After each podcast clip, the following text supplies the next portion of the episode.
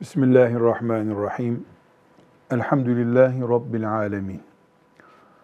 Ve sallallahu ve sellem ala seyyidina Muhammedin ve ala alihi ve sahbihi ecma'in. Resulullah sallallahu aleyhi ve sellem Efendimizin hadisi şeriflerini okuyoruz. Bu hadisi şerifleri e, okumasını yaptığımız kitabımıza Tarikatül Muhammediye yazarı bir gibi rahmetullahi aleyh sünnete sarılarak yaşama mantığımızı güçlendirmek için özellikle kitabına koymuş. Biz de inşallah sünnet anlayışımızı e, ciddi bir şekilde imani bir konu görebilmek için bunları okuyoruz. Bu arada dinimizi anladığımız ve kaynak kabul ettiğimiz Kur'an ayetleri ve aynı zamanda da hadisi şerifler için bilinmesi gereken bir ölçü ya da ayrıntı e, not edilmeli. Talebeler bunu defterlerine not etmeli. E, camilerde hutbe dinleyen, İslami dediğimiz eserleri okuyanlar özellikle bunu bilmelidirler.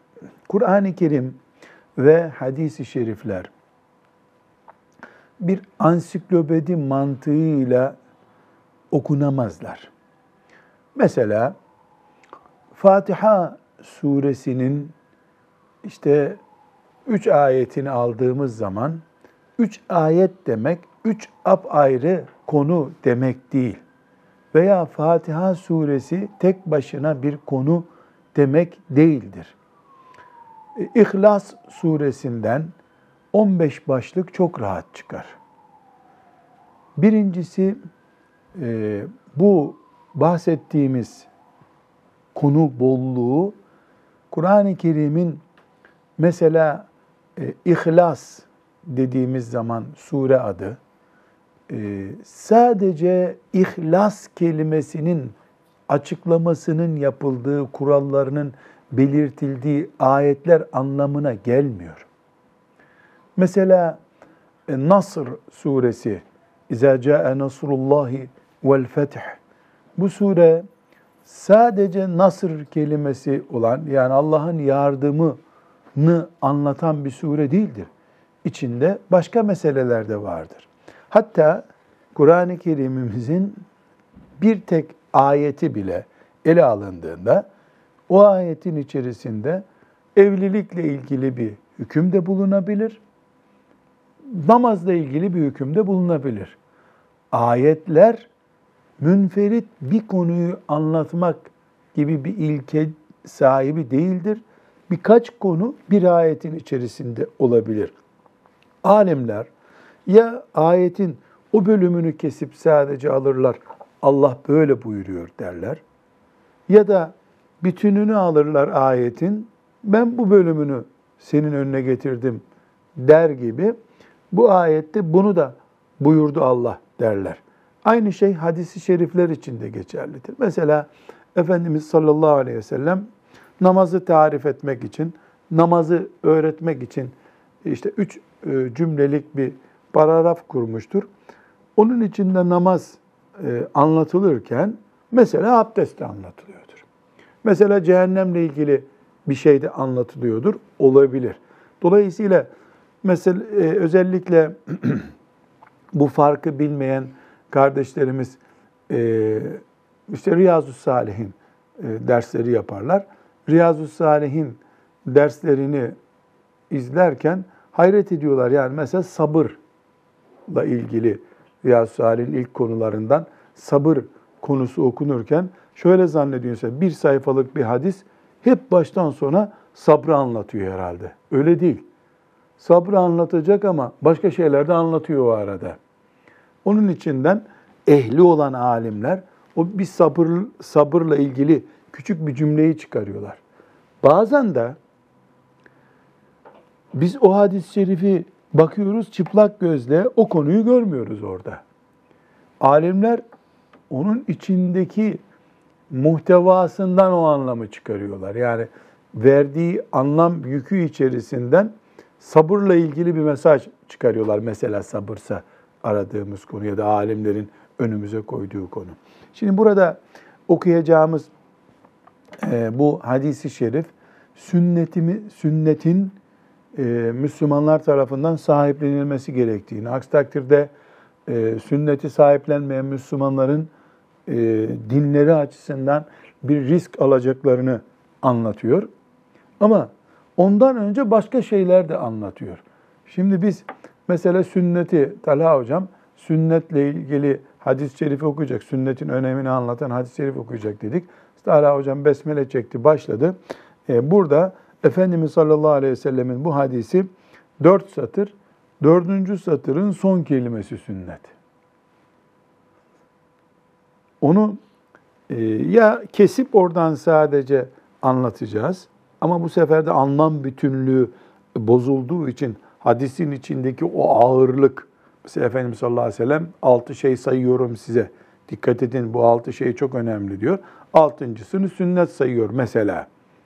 E biz bunun sadece altıncısını aldığımız zaman üstteki vurgulamaları öldürmüş oluyoruz ya da sünneti terk etmenin, sünnetsiz bir hayat yaşamanın muadili olabilecek neler var bu hayatta? Aslında onu da bilmemiz lazım bizim. Mesela sünneti terk etmekle beraber bir şeyler daha sayıyor. Harem-i Şerif'in, Mekke'nin mukaddesatının çiğnenmesi diyor. Demek ki sünneti terk eden insanların e, Müslümanlık seviyesi Kabe'ye saygısızlık seviyesi düzeyinde bir şey.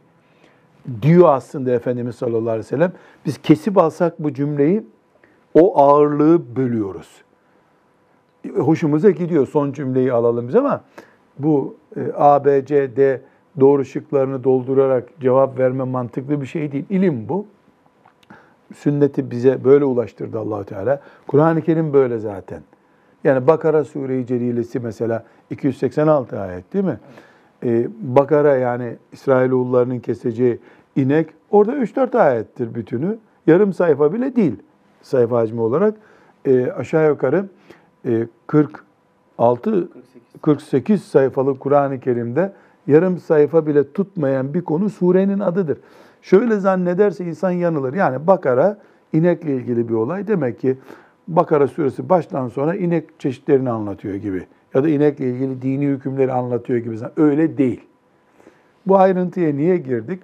Çünkü sünneti sık sık konuşuyoruz. Ee, Müslüman insanlar, bilhassa hanımefendiler mesela e, hayatımız boş geçmesin diye bir Riyaz-ı Salih'in alıp okuyorlar. Başlığına bakıyorlar. Takva ile ilgili hadisler diyor. Kardeşlikle ilgili hadis-i şerifler diyor. Ama e, o cümleyi ta iki sayfa sonra belki buluyor.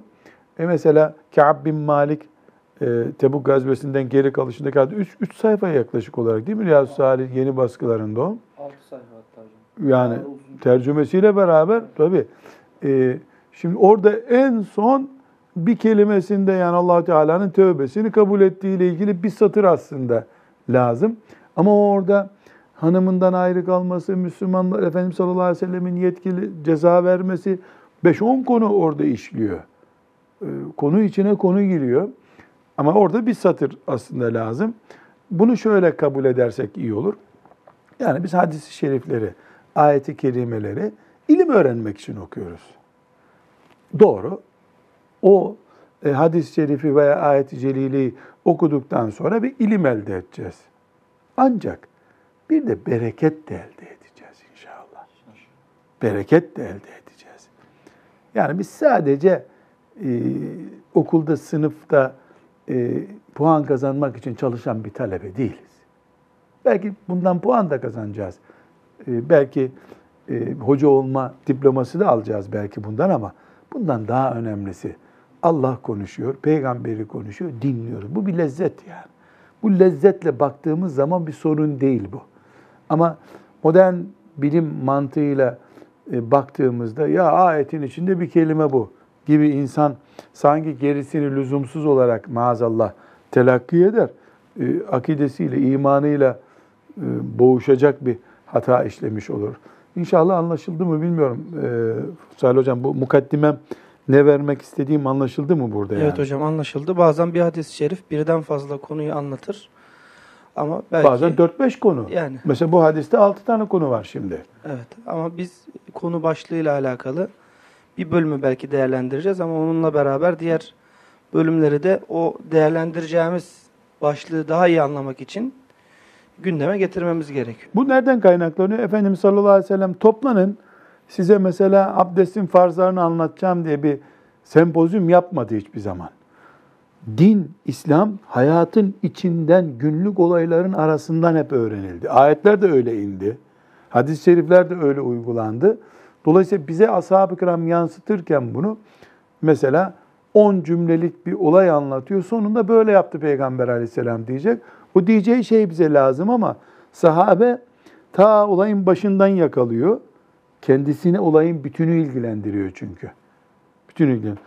Bilhassa Arapçasından değil de Türkçesinden, tercümesinden bunu okuyanlar için belki bir miktar yani zorlanma diyeyim buna. Anlarken zorlanma olabilir ama dediğim gibi eğer biz bunu bir bereket konusu görüyorsak, Efendimiz sallallahu aleyhi ve sellemin şefaatine e, nail olmak gibi bir nimet olarak e, görüyorsak e, uzun veya kısa demeyeceğiz. Ama hoca efendiler umumen bilhassa Türkçe'de zor yapılıyor. Bu da e, Arap ülkelerinde e, Hanem-i Şerif'te filan hutbeleri dinlediysen ya da şimdi mesela e, hutbe dinliyorsan sen mi geçen sormuştun bana normal midir bu yaptıkları? Yani beş satırlık ayetten iki kelimeyi çıkarıyor, hutbede onu okuyor. Hutbede onu okuyor. Bazen de iki, ayetteki iki cümlenin arasına kendi bir cümle Kendi cümlesini de sokuyor, evet. devam ediyor. Evet. Ve Allahu Teala Kur'an'da Maide suresinde böyle buyuruyor da demiyor. Evet, sen kendi cümlesiymiş gibi aktarıyor. Kendi cümlesiymiş. Yani Kur'an'la aşir neşir oluyor, seni de ona mahkum ediyor. Ama Türkçe'de bunu yapmak çok zor. Çünkü o Arapça okuduğu zaman Kur'an-ı Kerim'i veya hadis-i şerifi peygamber cümlesi hemen böyle altın kaplama gibi ortaya çıkıyor. Arap olmayan bile bu e, bir Ahmet'in Mehmet'in sözü değil. Bu vahiy parlıyor bu sözde. Anlıyor onu. Türkçe'de o şey yok tabi. Çok meşhur yani bazı cümleler Türkçe'ye mal olmuş hadi içki kötülüklerin anasıdır. Bunun hadis olduğunu herkes anlıyor. 3-4 e, cümle öyle belki biliniyordur. Yani bu nokta inşallah e, önemli bir, bundan sonra da yüzlerce hadis-i şerif geçecek çünkü. E, aradığımız her şeyi böyle kısa kes yapıştır gibi getirmiyor alimler. Bütününü getiriyor. O bütünü içerisinden daha, daha feyizli, daha perspektifi geniş bir noktadan Peygamber Aleyhisselam'ı tanı diyor. İnşallah bu mukaddimemiz anlaşılmıştır. Bu arada e, biz e, konumuz neydi? Sünnete sarılmış bir Müslüman olmak mecburiyetindeyiz demek istiyordu bir gibi. Rahmetullahi aleyh Tarikatül Muhammediye kitabında. E, bunu anlattığı hadisi şeriflerinde 26. 26. hadisindeyiz değil mi?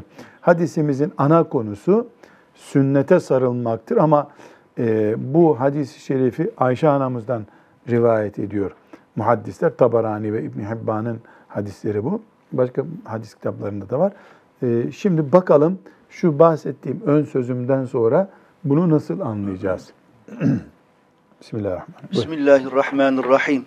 An Aişe radıyallahu anha Ayşe annemizden rivayet edildiğine göre enne Resulullah sallallahu aleyhi ve sellem Efendimiz sallallahu aleyhi ve sellem gal şöyle buyurdu.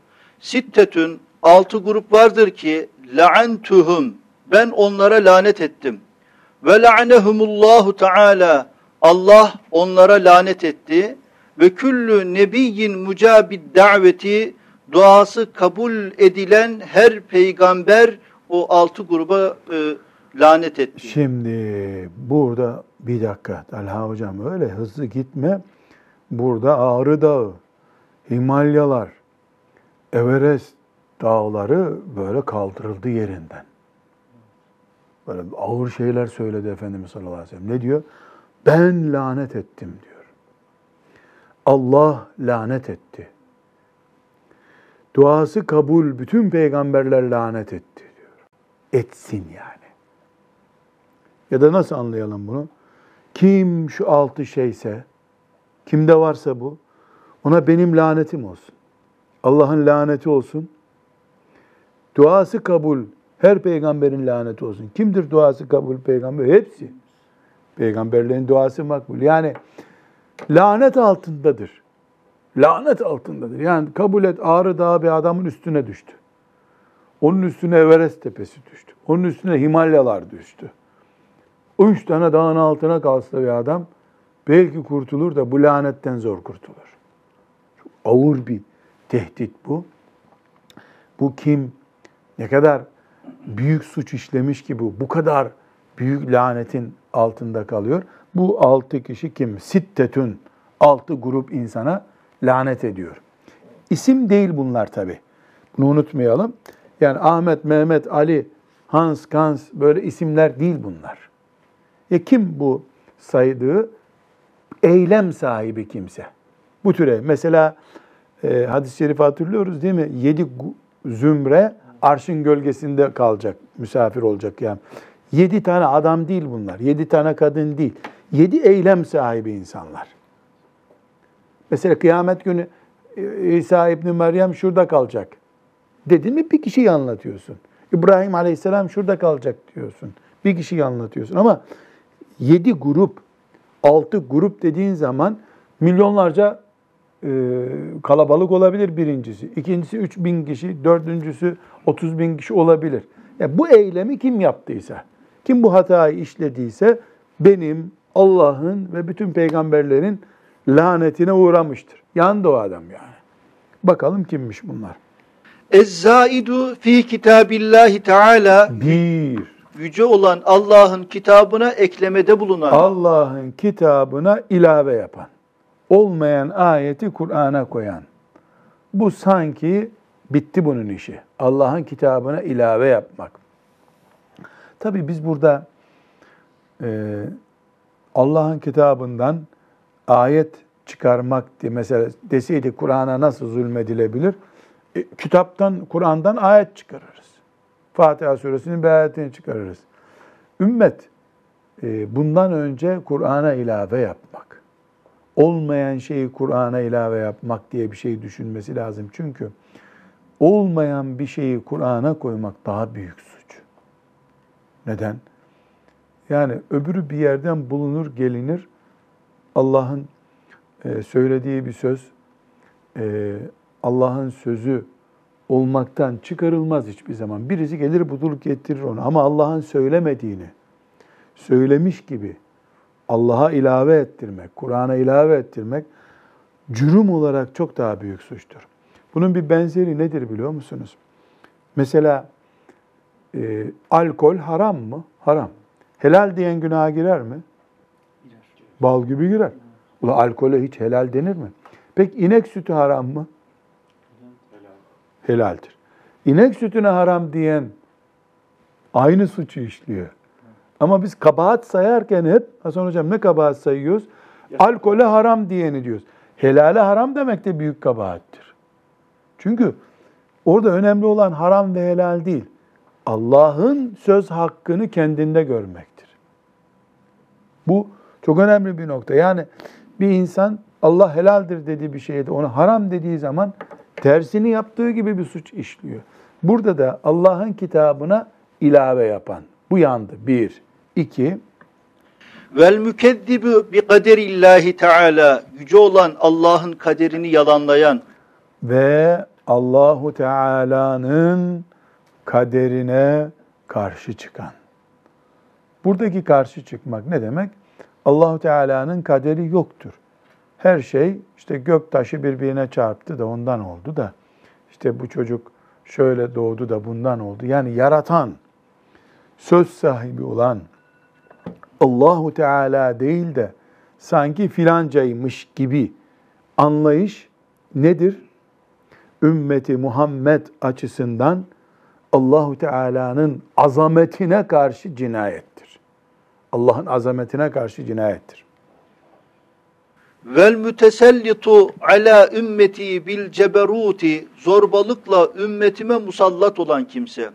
Peki bu işi niye gerçekleştiriyor? Nasıl yani zorbalık oluyor? Liyudille men a'azzallahu teala Allah'ın aziz kılmış olduğu kimseyi küçük düşürmek için. Ve yu'izze men edellallahu teala Allah'ın e, küçük düşürmüş, zelil etmiş olduğu kimseyi de e, yücelt, yüceltmek için bu işlemi yapıyor. Şimdi ta, e, ta hocam sen tamam düzgün tercüme ettin de bunu e, sıradan Müslüman kardeşlerimizin Arapça bilen, bilmeyen herkesin anlayacağı şekilde tercüme etmemiz lazım. Allah'ın onurlu kıldığını onursuz, onursuz kıldığını onurlu tutmak için ümmetin üzerinde otorite kuranlar. Ümmetin başına bela olanlar. Mümin azizdir. Mümini seviyesiz insan haline getiriyor. Kafir zelildir. Kafire öyle haklar veriyor ki kafir güçlü oluyor. Allah'tan yana olanlar, ashab-ı kiram değerlidir. Münafıklar değersizdir. Bunun tersini oluşturuyor. Ne sayesinde?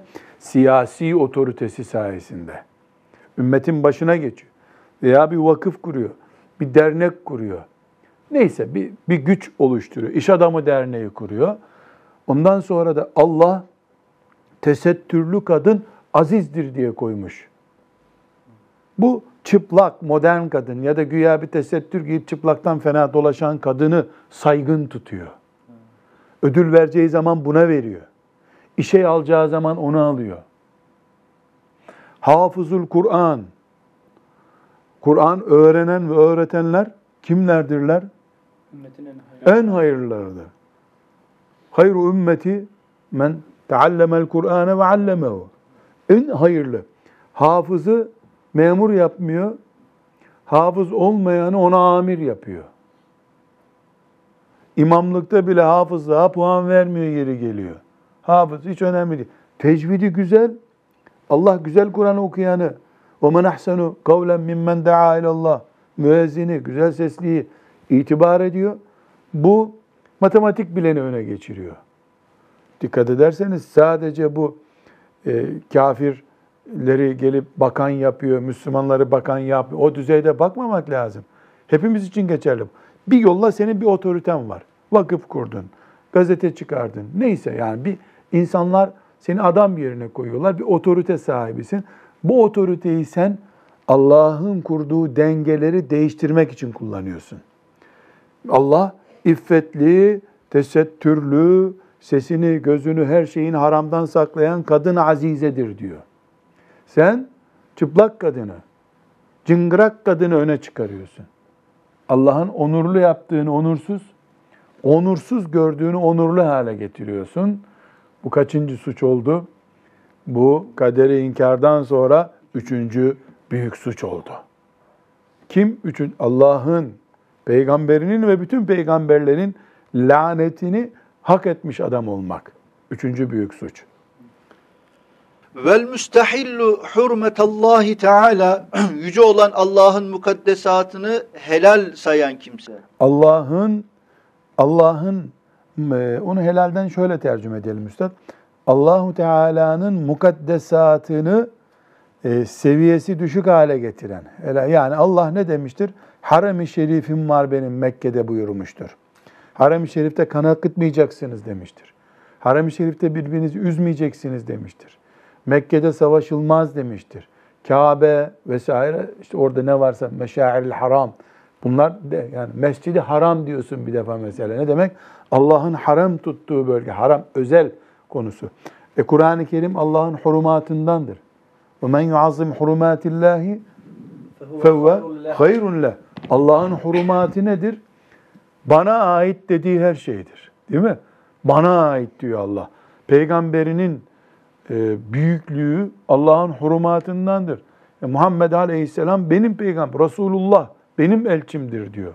Dolayısıyla sen peygamberi diline doladığın zaman maazallah Allah'ın hurumatına saygısızlık gösteriyorsun. Gibi. Harem-i Şerif dahil, Mushaf, Kur'an-ı Kerim. Onun için alimlerimiz ne demiştir? Bu Mushafsa eğer, bunu eh deyip de yere atan birisi, yani kasten, tahkir için atan kafir olur demişlerdir. Niye? Çünkü Allah'ın hurumatındandır, mukaddesattandır. Kabe'yi sen basit göremezsin. Allahu Teala'nın şeriatından olan mesela emirlerinden, yasaklarından birini basit göremezsin. Niye abdestsiz namaz kılan, bilerek abdestsiz namaz kılan, tahkir olsun diye namaz kılan kafir oluyor? Hurumatullah'a dokunuyor. Abdestsiz önüme gelmeyin Allah buyurdu.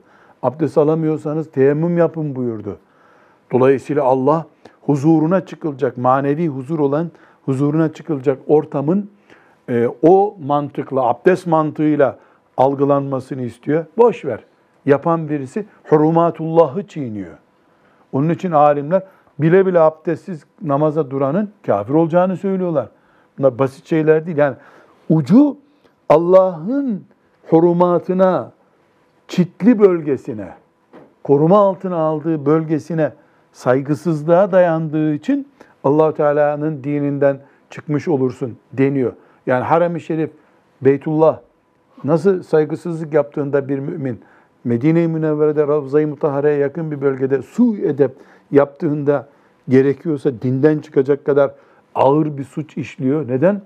Çünkü Kabe'sine saygı göstermeyen Allah'ın zatına da saygı göstermez. Hurumatullah bu. İstehalle hurumatillah yani Allah'ın hurumatını basit gören demek. Tamam böyle tercüme edelim. Ramazan ayında da bu şeyin içine. Evet çok güzel. Allah razı olsun Hasan hocam. Mesela Ramazan-ı Şerif'te oruç tutmuyor bir adam. Oruç tutmuyor. Kaza et bunu diyoruz sonra. Oruca niyet ediyor. Öğlende keyfine göre bozuyor. 60 gün kefaret tut diyoruz. Niye? Ramazan günü yemek yemeyin diyen Allah'tı. Sen niyet etmeseydin oruçlu olmadığın için oruçsuzluk suçu işlemiştin sadece.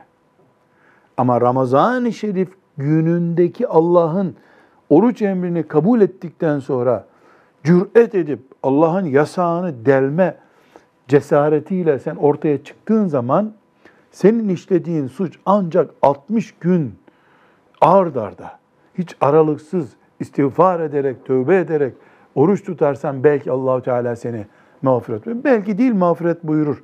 Çünkü 60 gün ceza tutarsan mağfiret ederim buyuruyor. Evet Ramazan-ı Şerif'in gününe saygı hurmatullah'tandır. Mesela teravihi kılmasa bir Müslüman fazilet kaybetmiş olur, sevap kaybetmiş olur ama 60 teravih git kıl demiyoruz ona. Niye?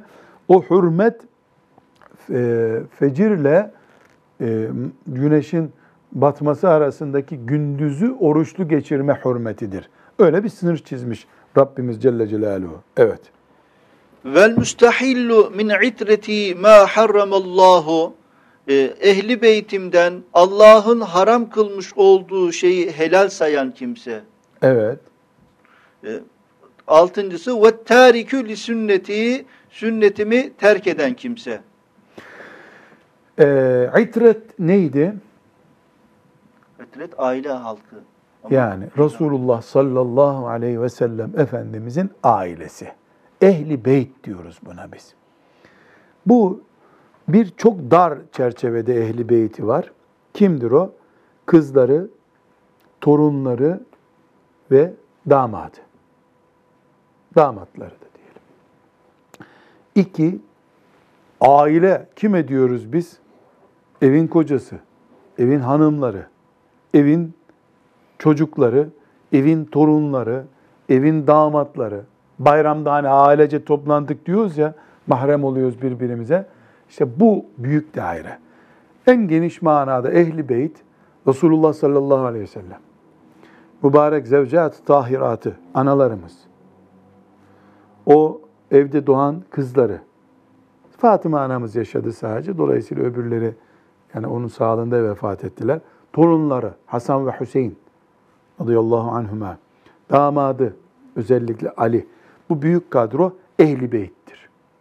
Efendimiz sallallahu aleyhi ve sellemin itreti deniyor Arapça ifade. İtrat. Ehli beyt de Arapçadır, itret de Arapçadır. Ümmeti Muhammed ehli beyte saygı gösterecek. Bu ehli beyte o kadar saygı gösterecek ki zekat alması haramdır ehli beytin. Zekata muhtaç bırakmayacak ümmet ehli beyti. Peki şimdi biz ehli beyt kim?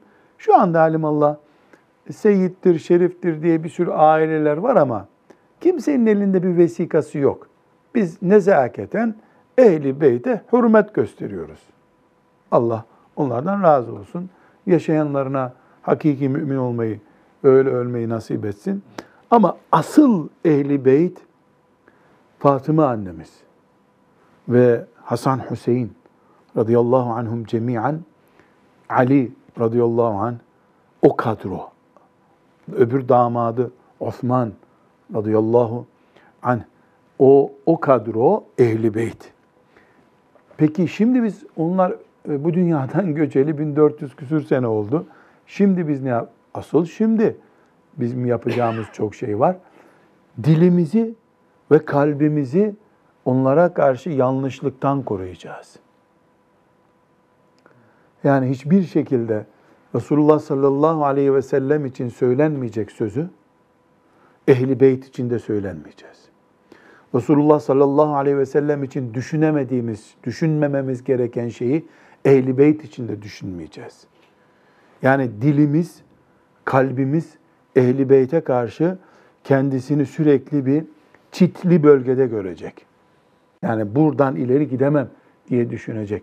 Yani Hüseyin radıyallahu anh'ın şehadeti sebebiyle büyük bir mağduriyet ve büyük bir zulüm, insanlık tarihinin nadiratında bulunan zulümlerden bir zulüm var. Herkes ona bir acımayla bakıyor tamam da Hasan radıyallahu anh hakkında bakıyorum çok evlendi de işte niye Medine'ye çekildi diye ileri geri konuşuluyor. Yahu yukarıdan Merihi ve ayı indirse de çekiçle onu doğrayıp insanlığı aysız ve merihsiz bıraksa Hasan radıyallahu anh. Okyanusu atsa onu çöp diye. Buna rağmen bizim bize ne yaptıysa yaptı ya. Allah Allah. Dememiz lazım. Yani peygamberimin torunu mu bu sallallahu aleyhi ve sellem? İsterse güneşte havasını kaçırsın güneşinde güneş karanlık oldu diyelim. Onu yaptı diyelim. Yaptıysa yaptı. Peygamberime feda oluyor da torununa feda olsa ne olacak? Böyle düşünmek lazım. E yanlıştı belki. Onu ondan Allah sorar. Sen karışma. Kim kimseye yanlışını feda ediyor mu Allah? Yani mümin madem peygamberine tazim ediyor, saygı gösteriyor. Bu tazimi peygamberinin aleyhissalatü vesselam torunlarına da göstermesi lazım. Ehli beytine göstermesi lazım. Ve aile efradına yani peygamber başımızın tacı hanımlarından birisi de bizim mahallede komşu hacı teyze. Böyle şey olur mu ya? Kur'an'ımız sizin analarınız diyor. Analarınız onlar diyor. Ümmehatül müminin analarınız.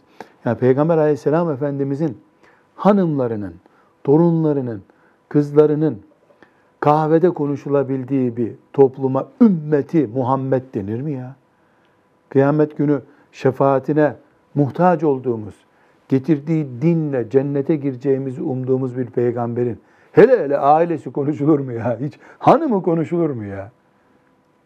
E diyelim hanımının saçı uzundu. Sana ne? Hanımı onu şöyle üzmüştü. Sana ne? Bana ne? Kime ne? Allah var Celle Celaluhu gördü. E, melekler var. Kaydettiler. E peygamber kendisi vardı orada aleyhissalatü vesselam. İnsan gereksiz işlerle uğraşıyor da doktor abi bazen. Yani lüzumsuz ne uğraşıyorsun bu iş? Dünyanın en lüzumsuz işlerinden biri bu olsa gerek herhalde. Ya ne karışıyorsun sen?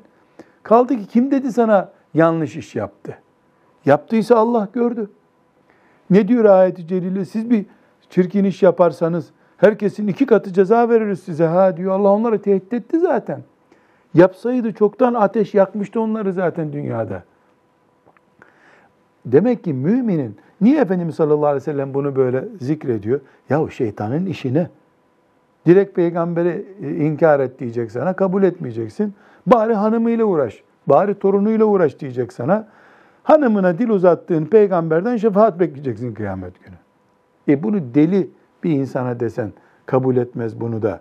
Yani akıllı bir mümin bu kadar büyük gaflete nasıl düşer maazallah? Maazallah.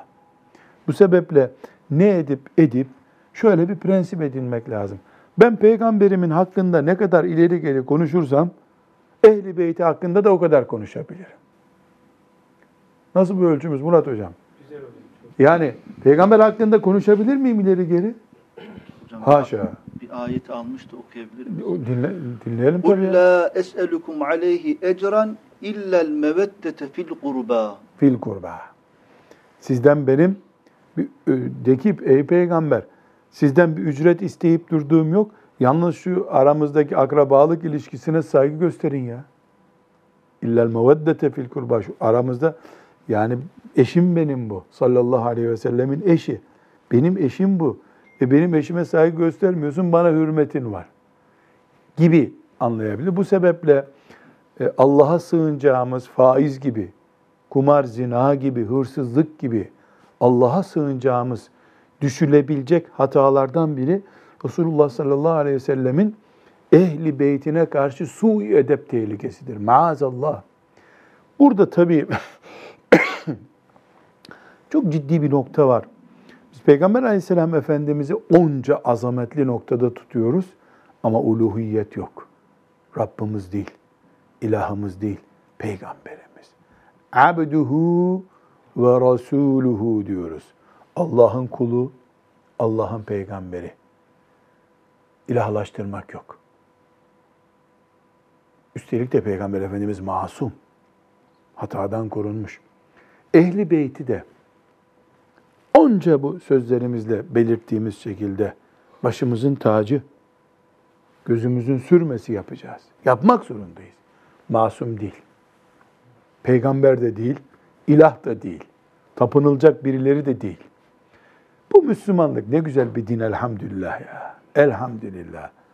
Beşinci maddeyi sayarken ehli beyte karşı e, saygısızlık gibi bir madde Hı. saydık ama e, ehli beytimden de Allah'ın mukaddesatına hafife görenler gibi bir mana var burada tercümede. Biz biraz az önce Biz o, o manaya girmedik. Yani o yanlış anlaşılır ve ona çok şerh gerekir diye. Ehli ümmet yani ehli beytinden de esasen bu işi yapanlar yani peygamberlik makamını suistimal edenler.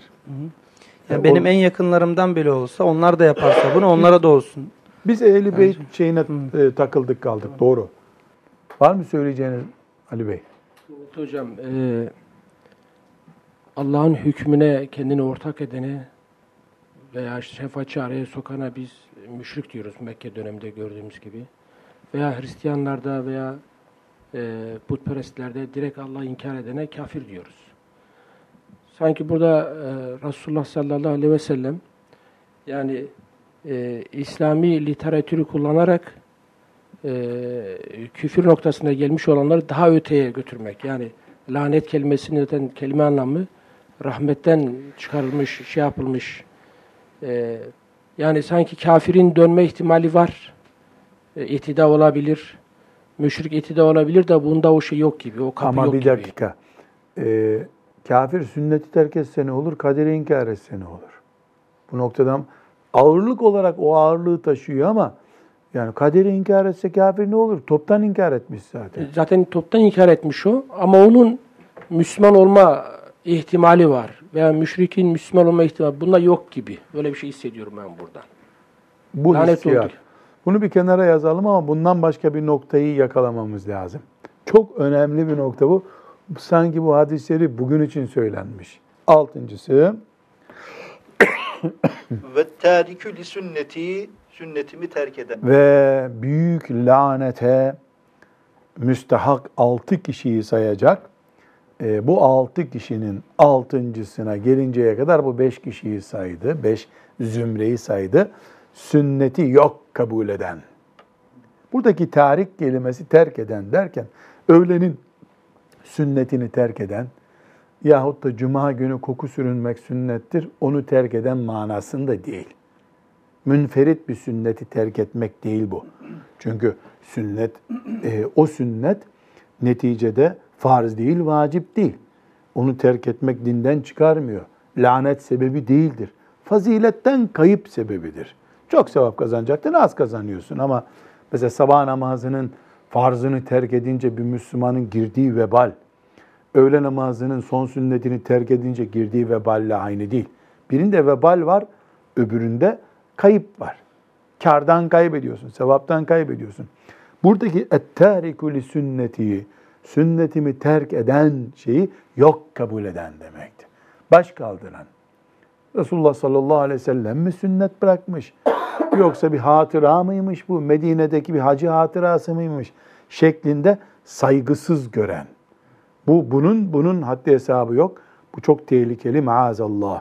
Evet. Hadimi hocam e, Münavi'den alıntı yapmış sizin ifadelerinizi teyiden. Bi en a'rada anha bil külliyeti ev tereke ba'daha istihfafen. Ee, münavi kimdir? Camius Sagir'in e, bütün zamanlardaki en iyi şarihi. El Münavi çok değerli bir alim. El Camius Sagir e, Suyuti'nin e, hadisleri topladığı 10 bin civarında hadisin bulunduğu kitap. El Münavi de onun şerhini yapan zattır. Yani e, eskiden o bir taneydi, şimdi bir tane. Herhalde gelecekte de bir tane olacak çünkü yazan da ondan alacak zaten. Allah bazı kullarının yaptığına çok bereket veriyor. Münavinin o çalışması da her mezhepten, her alemin, fıkıh ehlinin, hadis ehlinin, herkesin cazibesini toplamış çok bereketli ve başka yerde olmayan tespitler var. Münavi rahmetle anmaya vesile oldun diye söyledim. Demek ki Münavi burada kayıt getirmiş. Ne diyor? Sünneti terk etmek, külliyen kabul etmemek birinci suç. İki, filan sünneti önemsiz görmek, hakir görmek. Bu da büyük. Zaten o zaman kökten reddediyorsun sen. Yalnız bir şartla. Resulullah sallallahu aleyhi ve sellemin sünnetidir diye elimizde bir belge olacak. Yapmış olabilir böyle diye bir sünnet olmaz. İhtimal o olur. Ben size bunu vasiyet ediyorum dedi. O bize sağlam bir bilgiyle geldi, sahih bir sünnetle geldi. Bu tehditler onun için. Yoksa e, yüzlerce e, filanca dedi ki olabilirmiş, mişli muşlu cümlelerle Müslümanın bu kadar ağır bir vebal altındaymış gibi görülmesi mümkün değil. Şimdi biz tekrar e, bu hadis-i şerifi toplayalım. Muhteşem bir bilgi yumağı kurdu bu hadis-i şerif. İnşallah da amel ederek e, müminliğimizi takviye edeceğimiz bir dökümana e, kavuşmuş oluruz. Resulullah sallallahu aleyhi ve sellem Efendimiz e, bize e, nasihat ederken altı şey var ki bu altı şeyi yapanlar benim lanetimdedirler. Allah'ın lanetindedirler. Peygamberlerin lanetindedirler. Altı şeyi yapanlar. La'antuhum. Ben onlara lanet ettim. Tabi buradaki lanet kınıyorum anlamında da olur. Yani Allah belalarını versin diyoruz da Türkçe'de o manada olur. Ne manada olursa olsun Resulullah sallallahu aleyhi ve sellemin sert bir tepkisi var bu altı kişiye. Zaten gördük ki bunlar da basit suçlar değil. Bize aslında altıncı maddesi lazımdı. Sünnetimi yok kabul edenler. Bize o lazımdı ama yukarıdan saydığımızda birincisini ne buyurdu? Birincisi kimdir? Allah'ın kitabına eklemek. Kur'an'a ilave yapmaya kalkanlar. Bir. iki Kaderi inkar edenler. Kaderi inkar edenler. Üç. Zorbalıkla ümmetime Üm, musallat olanlar. ümmetin başına musallat olup ümmeti Muhammed'in onurlusunu onursuz, onursuzunu onurlu hale getirmeye kalkanlar. Dört, Allah'ın mukaddesatının seviyesini düşürenler. Allah'ın mukaddesatına karşı seviye düşünenler. Kabe'yi normal bir cami gibi görmeye kalkanlar. Allahu Teala'nın şeriatını bir hukuk sistemi zannedenler gibi. Beş, Ehli beytimden Allah'ın haram kılmış olduğunu şeyi şeyi helal sayanlar. Ehli beyt ki Allah onu koruyacaksınız, saygı göstereceksiniz buyurmuştu. Allah'ın e, peygamberinin ehli beytine saygısız, laubali davrananlar. Altı, Sünneti terk eden. sünneti yok kabul eden. Buradaki terki yok kabul etme manasında dedik. Şimdi e, bu altı şeyi e, bir soru soracağız. Doktor abi bunu üniversite sorusu mu kabul edersin, ne kabul edersin? Bunu inceleyelim. Salih Hafız Hasan Hocam hepimiz bunun üzerine imali fikir yapalım. Onlar ümmetimden değildir, kafirdir niye demedi Efendimiz sallallahu aleyhi ve sellem. Bunlar çoğu kafirliği gerektirecek şeyler. Ya kaderi inkar ediyor işte de. Allah'ın hurumatına, mescidi harama saygısızlık yapıyor. Bu gavurluk bu. Niye? Bu altı şeyi yapan kafirdir, Müslüman değildir buyurmadı da lanetle tehdit etti. Hem Kadimi'de böyle bir şey var mı? Nablusi'de bir bak. Ee, biz de bu arada imali fikir yapalım. Bu neden? Ee, bu çok önemli bir nokta çünkü. Hocaları ilgilendiriyor, e, talebeleri ilgilendiriyor. hadisi şerifi daha iyi anlamamıza yardım edecek bir konu bu. Hocam e, e, daha evvelki derslerinizde bir abdestle alakalı bir mevzu söylemiştiniz. Yani Efendimiz sallallahu aleyhi ve sellem abdesti tek tek öğretmez. Fakat e, aya, topuğunu yıkamayana lanet diye buyurdu. Bununla alakalı e, ashab-ı ikram ondan dersler çıkararak e, bir sonuca varılır. Burada e, Efendimiz sallallahu aleyhi ve sellem bir çizgi çizdi. Bununla alakalı haram haramları saydı ve bununla alakalı fukaha da alimlerimiz bundan bir ders çıkararak hüküm e, çıkaracakları gibi geldi. O da hatırıma. doğru. Hocam.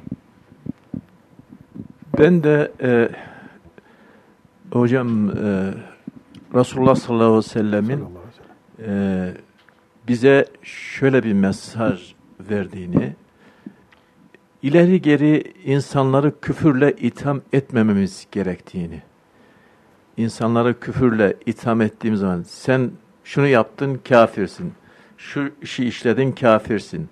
E, demememiz gerektiğini ancak lanetle efendim e, yetinilmesi gerektiğini diye düşündüm ben de.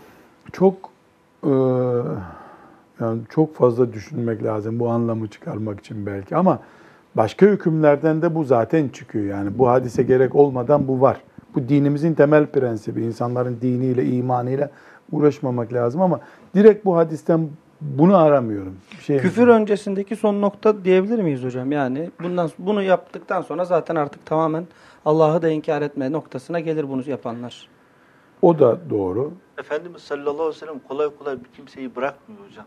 Ee, yani hemen e, e, alimlerimizin de ortaya koyduğu üzere e, yani kolay kolay bir insan bir insana küfür damgası vurulmuyor. İslam'dan uzaklaştırılmış damgası vurulmuyor. Mümkün mertebe işte kıbleye yönelen her kimseye e, işte Müslümanmış gibi bir tavır sergileyerek toplayıcılık vazifesi yapıyor.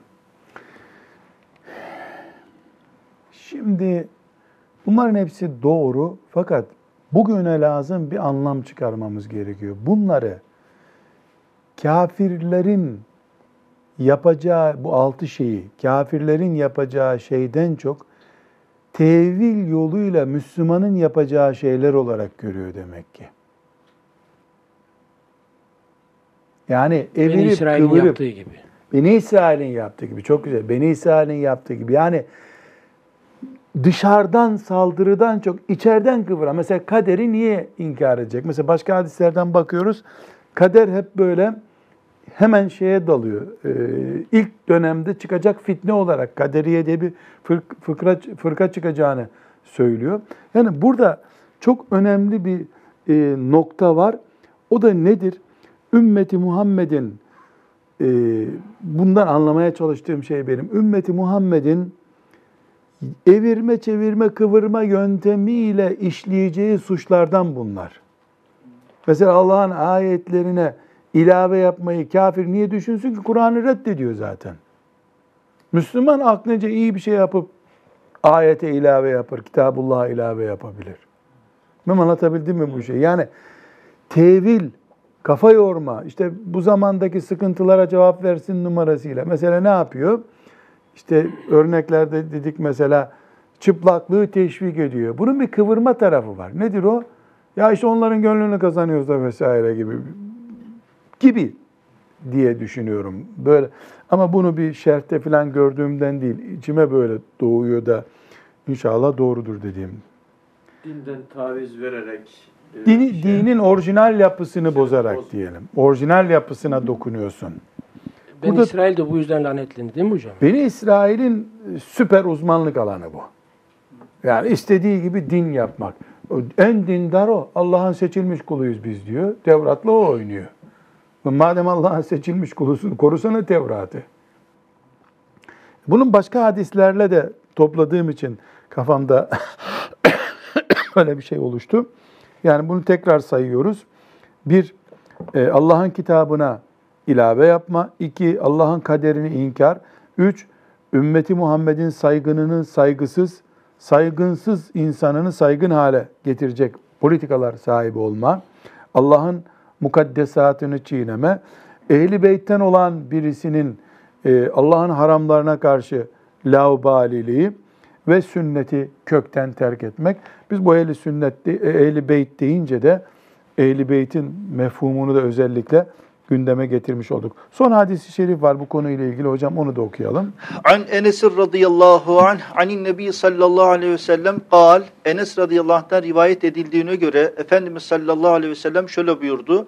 La yu'minu ahadukum sizden birisi iman etmiş olmaz hatta ekune ahabbe ileyhi min validihi ben ona anne babasından daha sevimli oluncaya kadar ve veledihi çocuğundan ve nasi insanlardan ecmain e, bütün herkes, herkesten daha sevimli oluncaya kadar o kimse iman etmiş olmaz. Bunu tam böyle halk lisanıyla tercüme etti Allah hocam. Diyor ki beni ananızdan, babanızdan, çocuklarınızdan, bütün insanlardan çok sevmedikçe mümin olamazsınız. De de şöyle tam anlaşılsın. Sen çok böyle kurallara dikkat ederek tercüme ettin. Demek ki Müslüman Resulullah sallallahu aleyhi ve sellemi çok sevecek yetmiyor. Herkesten çok sevecek yetmiyor. Evlattan, eşten, anadan babadan, bütün insanlardan. Allah hariç bütün insanlardan daha fazla sevecek ki mümin olsun.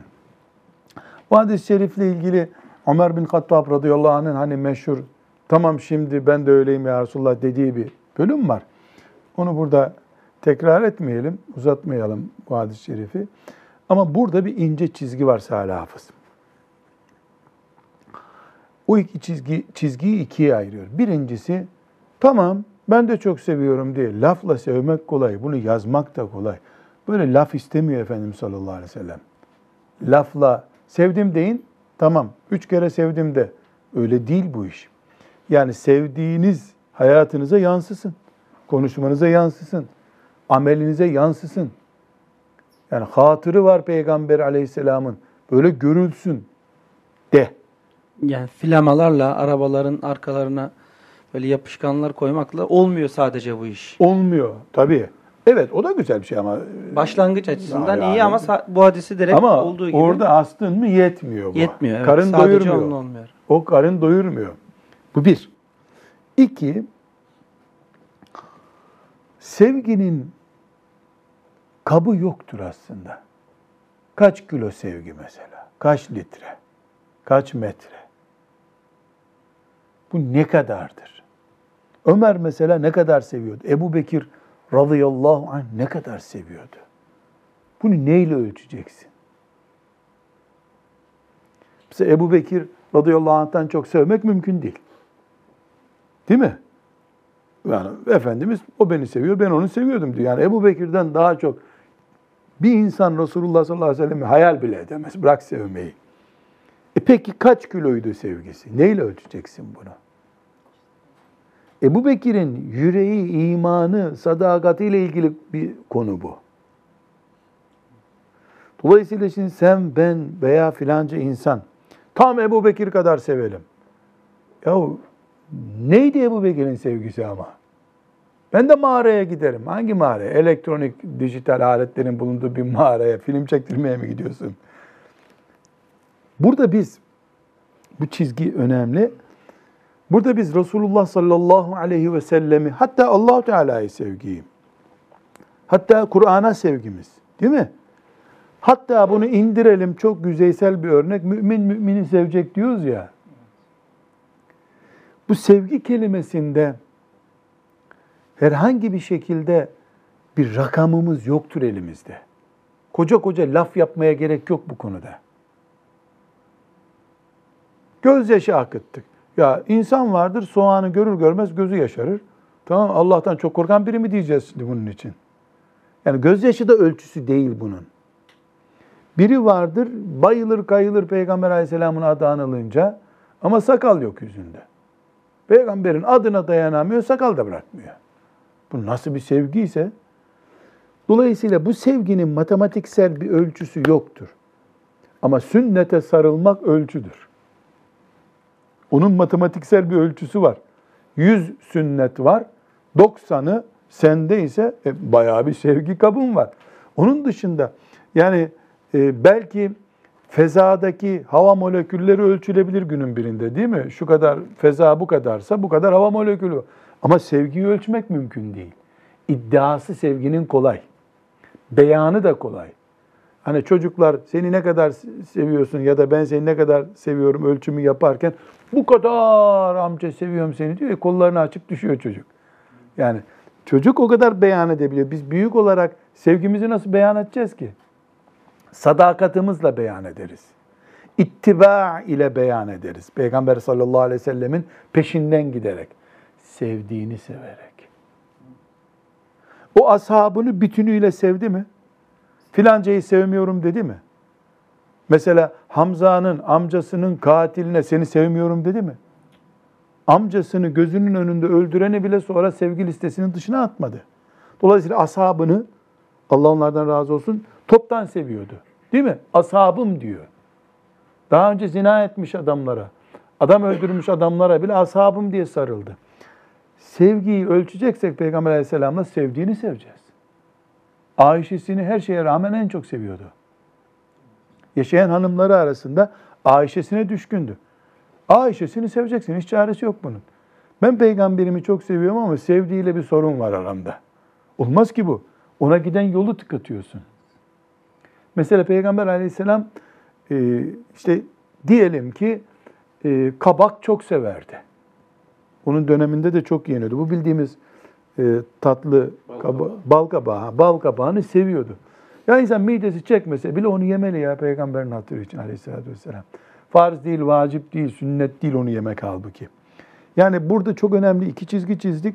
Birincisi lafla olmuyor bu aşk gemisi. İkincisi de yani bu sevginin bir terazisi yoktur. Ama sevgiye götüren şeylerin çok güçlü terazisi var. Allah Habibinin izinden gitmeye hepimizi muvaffak kılsın.